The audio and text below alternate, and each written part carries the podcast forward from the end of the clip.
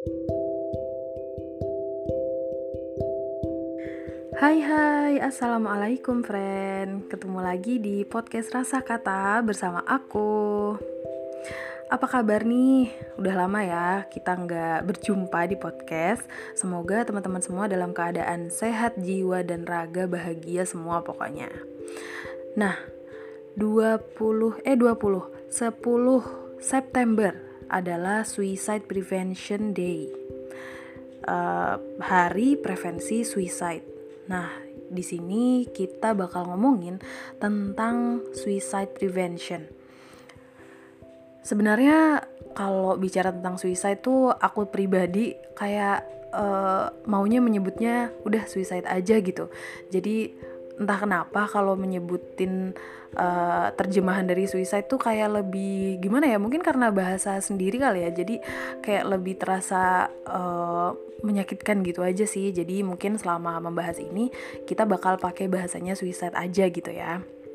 Nah bicara tentang itu uh, suicide prevention biasanya memang uh, kebanyakan lebih fokus kepada subjek kedua. Maksudnya adalah orang yang tahu kalau ada uh, orang lainnya yang mau suicide gitu. Nah, tapi di sini kita juga bakal bahas subjek pertamanya yaitu orang yang mungkin memiliki uh, pikiran untuk suicide atau mungkin sudah pernah mencoba untuk suicide gitu. Nah, harus gimana sih? Sebelumnya kita perlu tahu dulu tentang sebab dari pikiran suicide atau mungkin perilaku yang mengarah pada suicide. Kebanyakan orang-orang yang melakukan hal demikian itu sebabnya karena keberhargaan diri, rasa bersalah, cobaan hidup.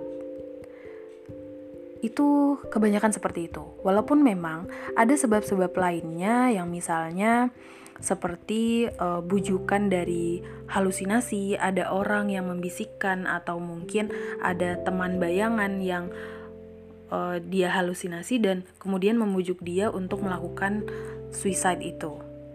Nah, sekarang kita lebih melihatnya ke yang kebanyakan itu tentang keberhargaan diri, merasa dicintai, uh, kurang merasa dicintai, rasa bersalah, cobaan hidup. Maka yang dibutuhkan oleh orang-orang yang demikian adalah cinta, penerimaan, empati, perhatian. Maka harus gimana nih sebagai subjek kedua kita ketika menemukan orang yang atau teman kita yang memiliki uh, pikiran untuk suicide atau mungkin sudah ada perilaku-perilaku yang mengarah kepada suicide, maka yang perlu kita berikan adalah cinta, penerimaan, empati, perhatian. Itu yang perlu kita berikan. Nah, kalau kita melihat nih, ada di Al-Qur'an surat keempat An-Nisa ayat 29. Coba deh teman-teman buka. Di situ Allah berfirman dan janganlah gini. Wala taqtulu anfusakum innallaha kana bikum rahima. Dan janganlah kamu membunuh dirimu, sesungguhnya Allah kepadamu itu sayang. Sesungguhnya Allah menyayangimu. Di situ Allah setelah berfirman dan janganlah kamu membunuh dirimu, bukan kemudian Allah melanjutkan dengan uh, sesungguhnya itu adalah perbuatan yang zolim, sesungguhnya itu adalah perbuatan yang haram, enggak. Tapi justru di situ yang pertama Allah uh, katakan adalah sesungguhnya Allah menyayangi kamu. Allah sertakan cinta, bukan penghakiman. Sering gak sih mungkin kita pernah mendengar cerita atau jangan-jangan kita pernah nih uh, melakukan hal itu.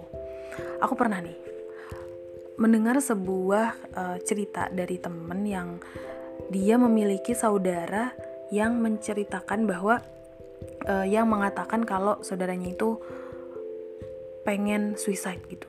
Jadi udah punya pikiran untuk suicide itu.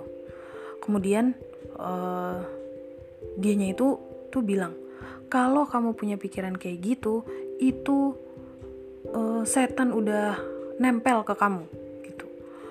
Nanti uh, kalau setan udah nempel tuh kamu bakal bisa tuh melakukan itu gitu. Pokoknya dihakimi seperti itu. Langsung diomelin seperti itu.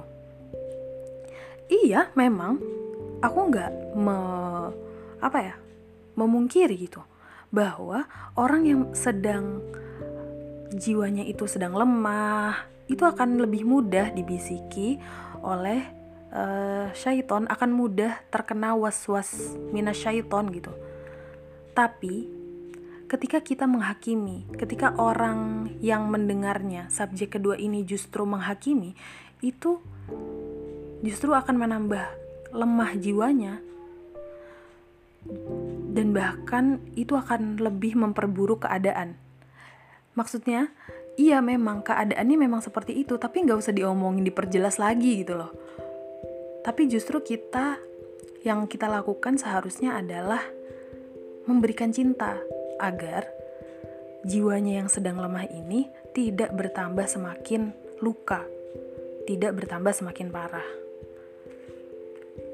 Coba deh, kita lihat lagi ada di surat Maryam ayat ke 24 kalau nggak salah 24 apa 25 gitu. Coba dibuka. Di situ Maryam seorang wanita yang solihah banget.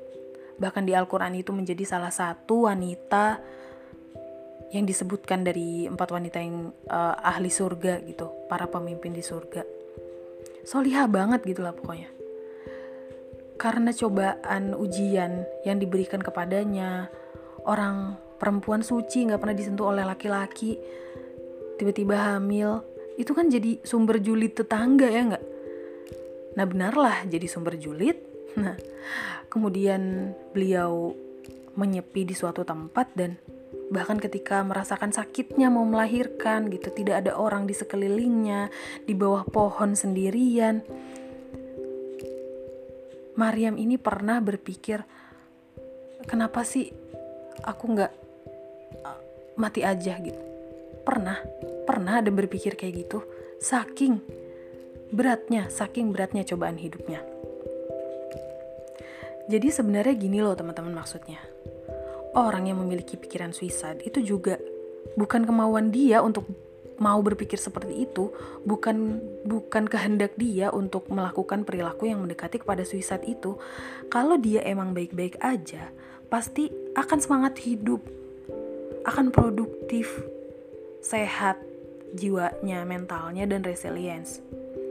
Tapi ketika dia memiliki pikiran seperti itu, berarti memang sedang tidak baik-baik saja, apa pun itu sebabnya, apa pun.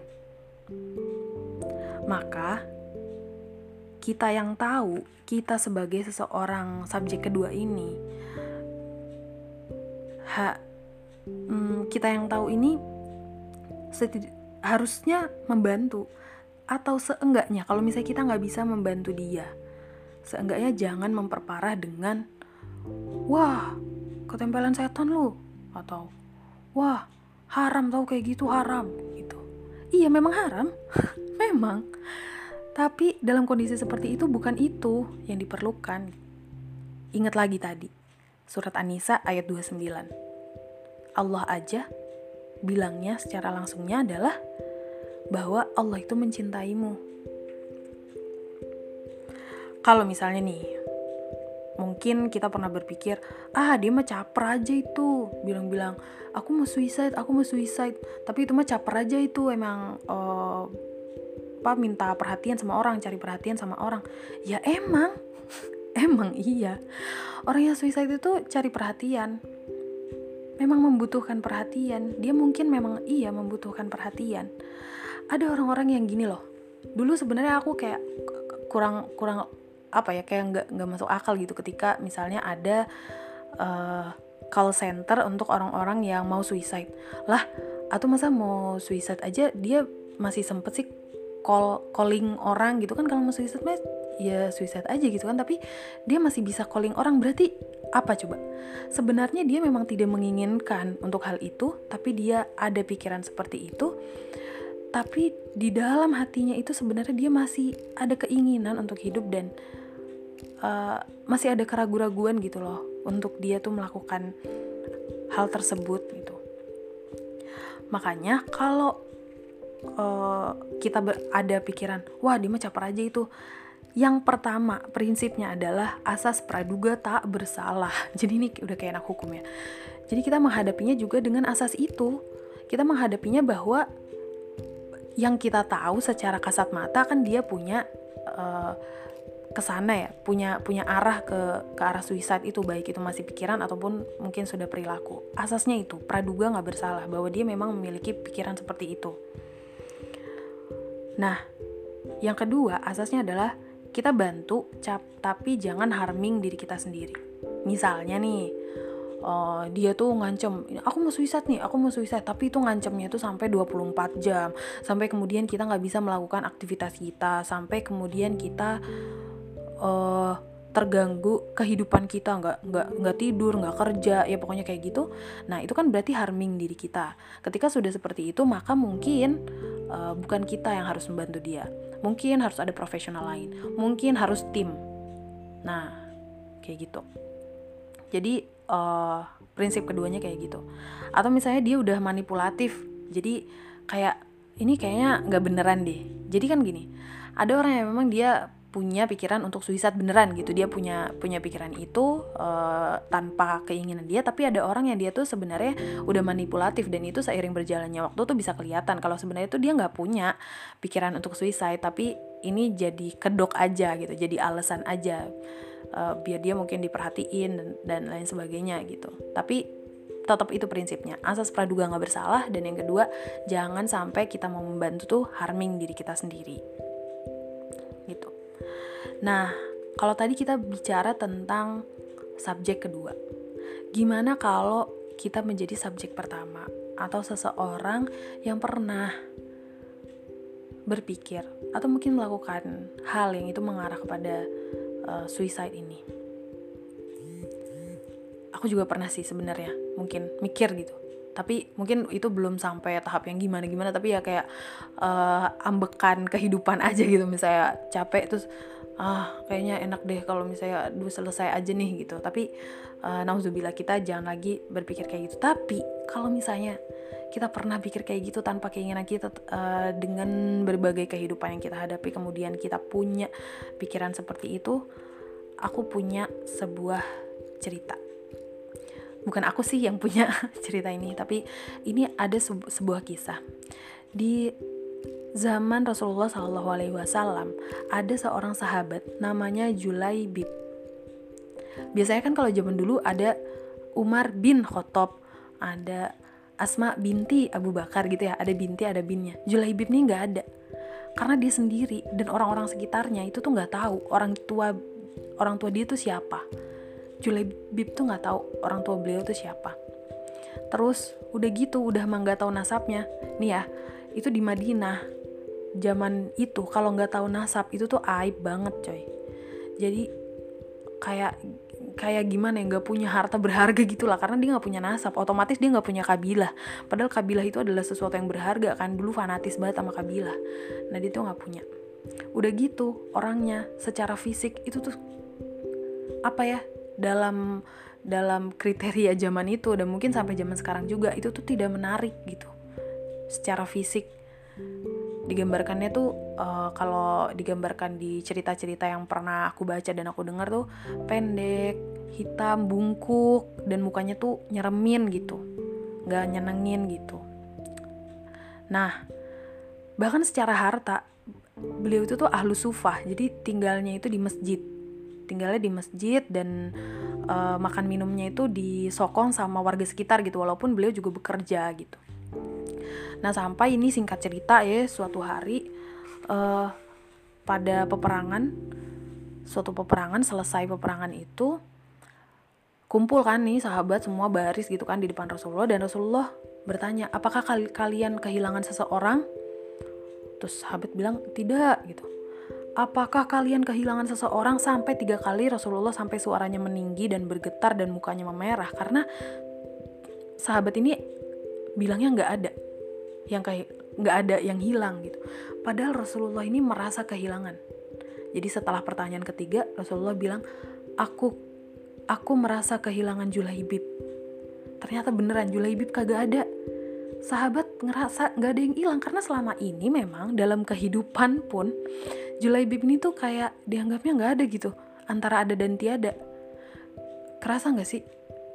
Kalau misalnya kita tuh ada dalam kehidupan ini kita berjalan seperti orang-orang berjalan dan kita berada di suatu tempat tapi kita dianggap nggak ada itu kan nyakitin banget nggak sih? Siapa coba yang cintain dia?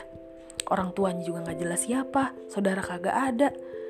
Tetangga tetangga apa ya orang tinggalnya di masjid dan para sahabat yang lainnya pun kayak nganggap dia tuh nggak ada gitu. Siapa gitu. Tapi ternyata Rasulullah menyayangi dia. Bahkan ketika dia nggak ada di tengah-tengah sahabat Rasulullah kerasa kalau Julaibib tuh nggak ada gitu. Terus dan ternyata bidadari telah menunggunya di surga kata Rasulullah.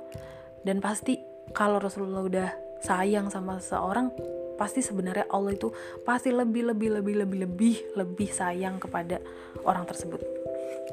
Nah maksudku dari cerita itu adalah kalau misalnya nih kita sekarang atau pernah atau mungkin suatu saat gitu ya kita berada dalam tahap ini juga ngingetin sih buat diriku sendiri kita berada dalam tahap kayak nggak ada sih orang yang perhatian sama gue sih kok nggak ada sih orang yang sayang sama gue kayaknya kayaknya gue kesendirian gitu. Inget deh kalau sebenarnya ada setidak-tidaknya gitu satu orang di dunia ini tuh yang sayang sama kita cuman waktu itu kita lagi nggak kerasa aja. Kalaupun ini kalaupun maksimal maksimalnya nih ya kita merasa seluruh dunia ini nggak ada yang menyayangi kita nggak ada yang perhatian sama kita sama sekali gitu kita merasa kayak gitu inget bahwa Allah yang menciptakan kita itu sangat mencintai kita inget tuh surat An-Nisa ayat 29 janganlah kamu membunuh dirimu dan bahwa Allah itu menyayangi kita. Robbana ma kholakta hada batila. Sering banget aku ingat-ingat ini nih. Kalau ngeliat misalnya ada kucing terlantar di jalan, terus apalagi dah, yang kasihan-kasihan kayak gitulah. Robbana ma kholakta hada batila. Allah itu menciptakan sesuatu tuh enggak sia-sia sama sekali.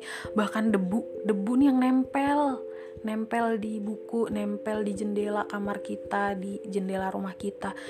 Itu tuh Allah ciptain, Allah sengaja ciptain sengaja buat buat jadi hikmah, buat jadi manfaat gitu, nggak nggak sia-sia. Apalagi kita, apalagi kita yang segede gini, apalagi kita yang disebut sebagai makhluk terbaik daripada makhluk-makhluk yang lainnya. Robbana ma hadza batila. Kalau kita belum nggak kerasa ada adanya kegunaan di kita ini jangan-jangan gue cuma seonggok daging nih yang ada di bumi percayalah bahwa kita tuh sebenarnya ada gunanya ada manfaatnya cuman kita belum tahu aja kita yang harus cari tahu itu sekalipun kamu menemukan gak ada orang yang mencintai kamu Allah tuh mencintai kamu terakhir Ketika kita menyelamatkan nyawa satu orang, maka sama dengan kita telah menyelamatkan nyawa semua orang. Itu juga berlaku ketika kita menyelamatkan nyawa diri kita, niatkan bahwa itu adalah menyelamatkan nyawa semua orang di dunia ini. Jadi, kalau ada seseorang yang kita tahu akan mengarah kepada suicide atau diri bahkan diri kita sendiri, maka berilah dia cinta, jangan penghakiman. Terima kasih teman-teman, semoga ini bermanfaat. Assalamualaikum warahmatullahi wabarakatuh. Sampai jumpa di podcast selanjutnya.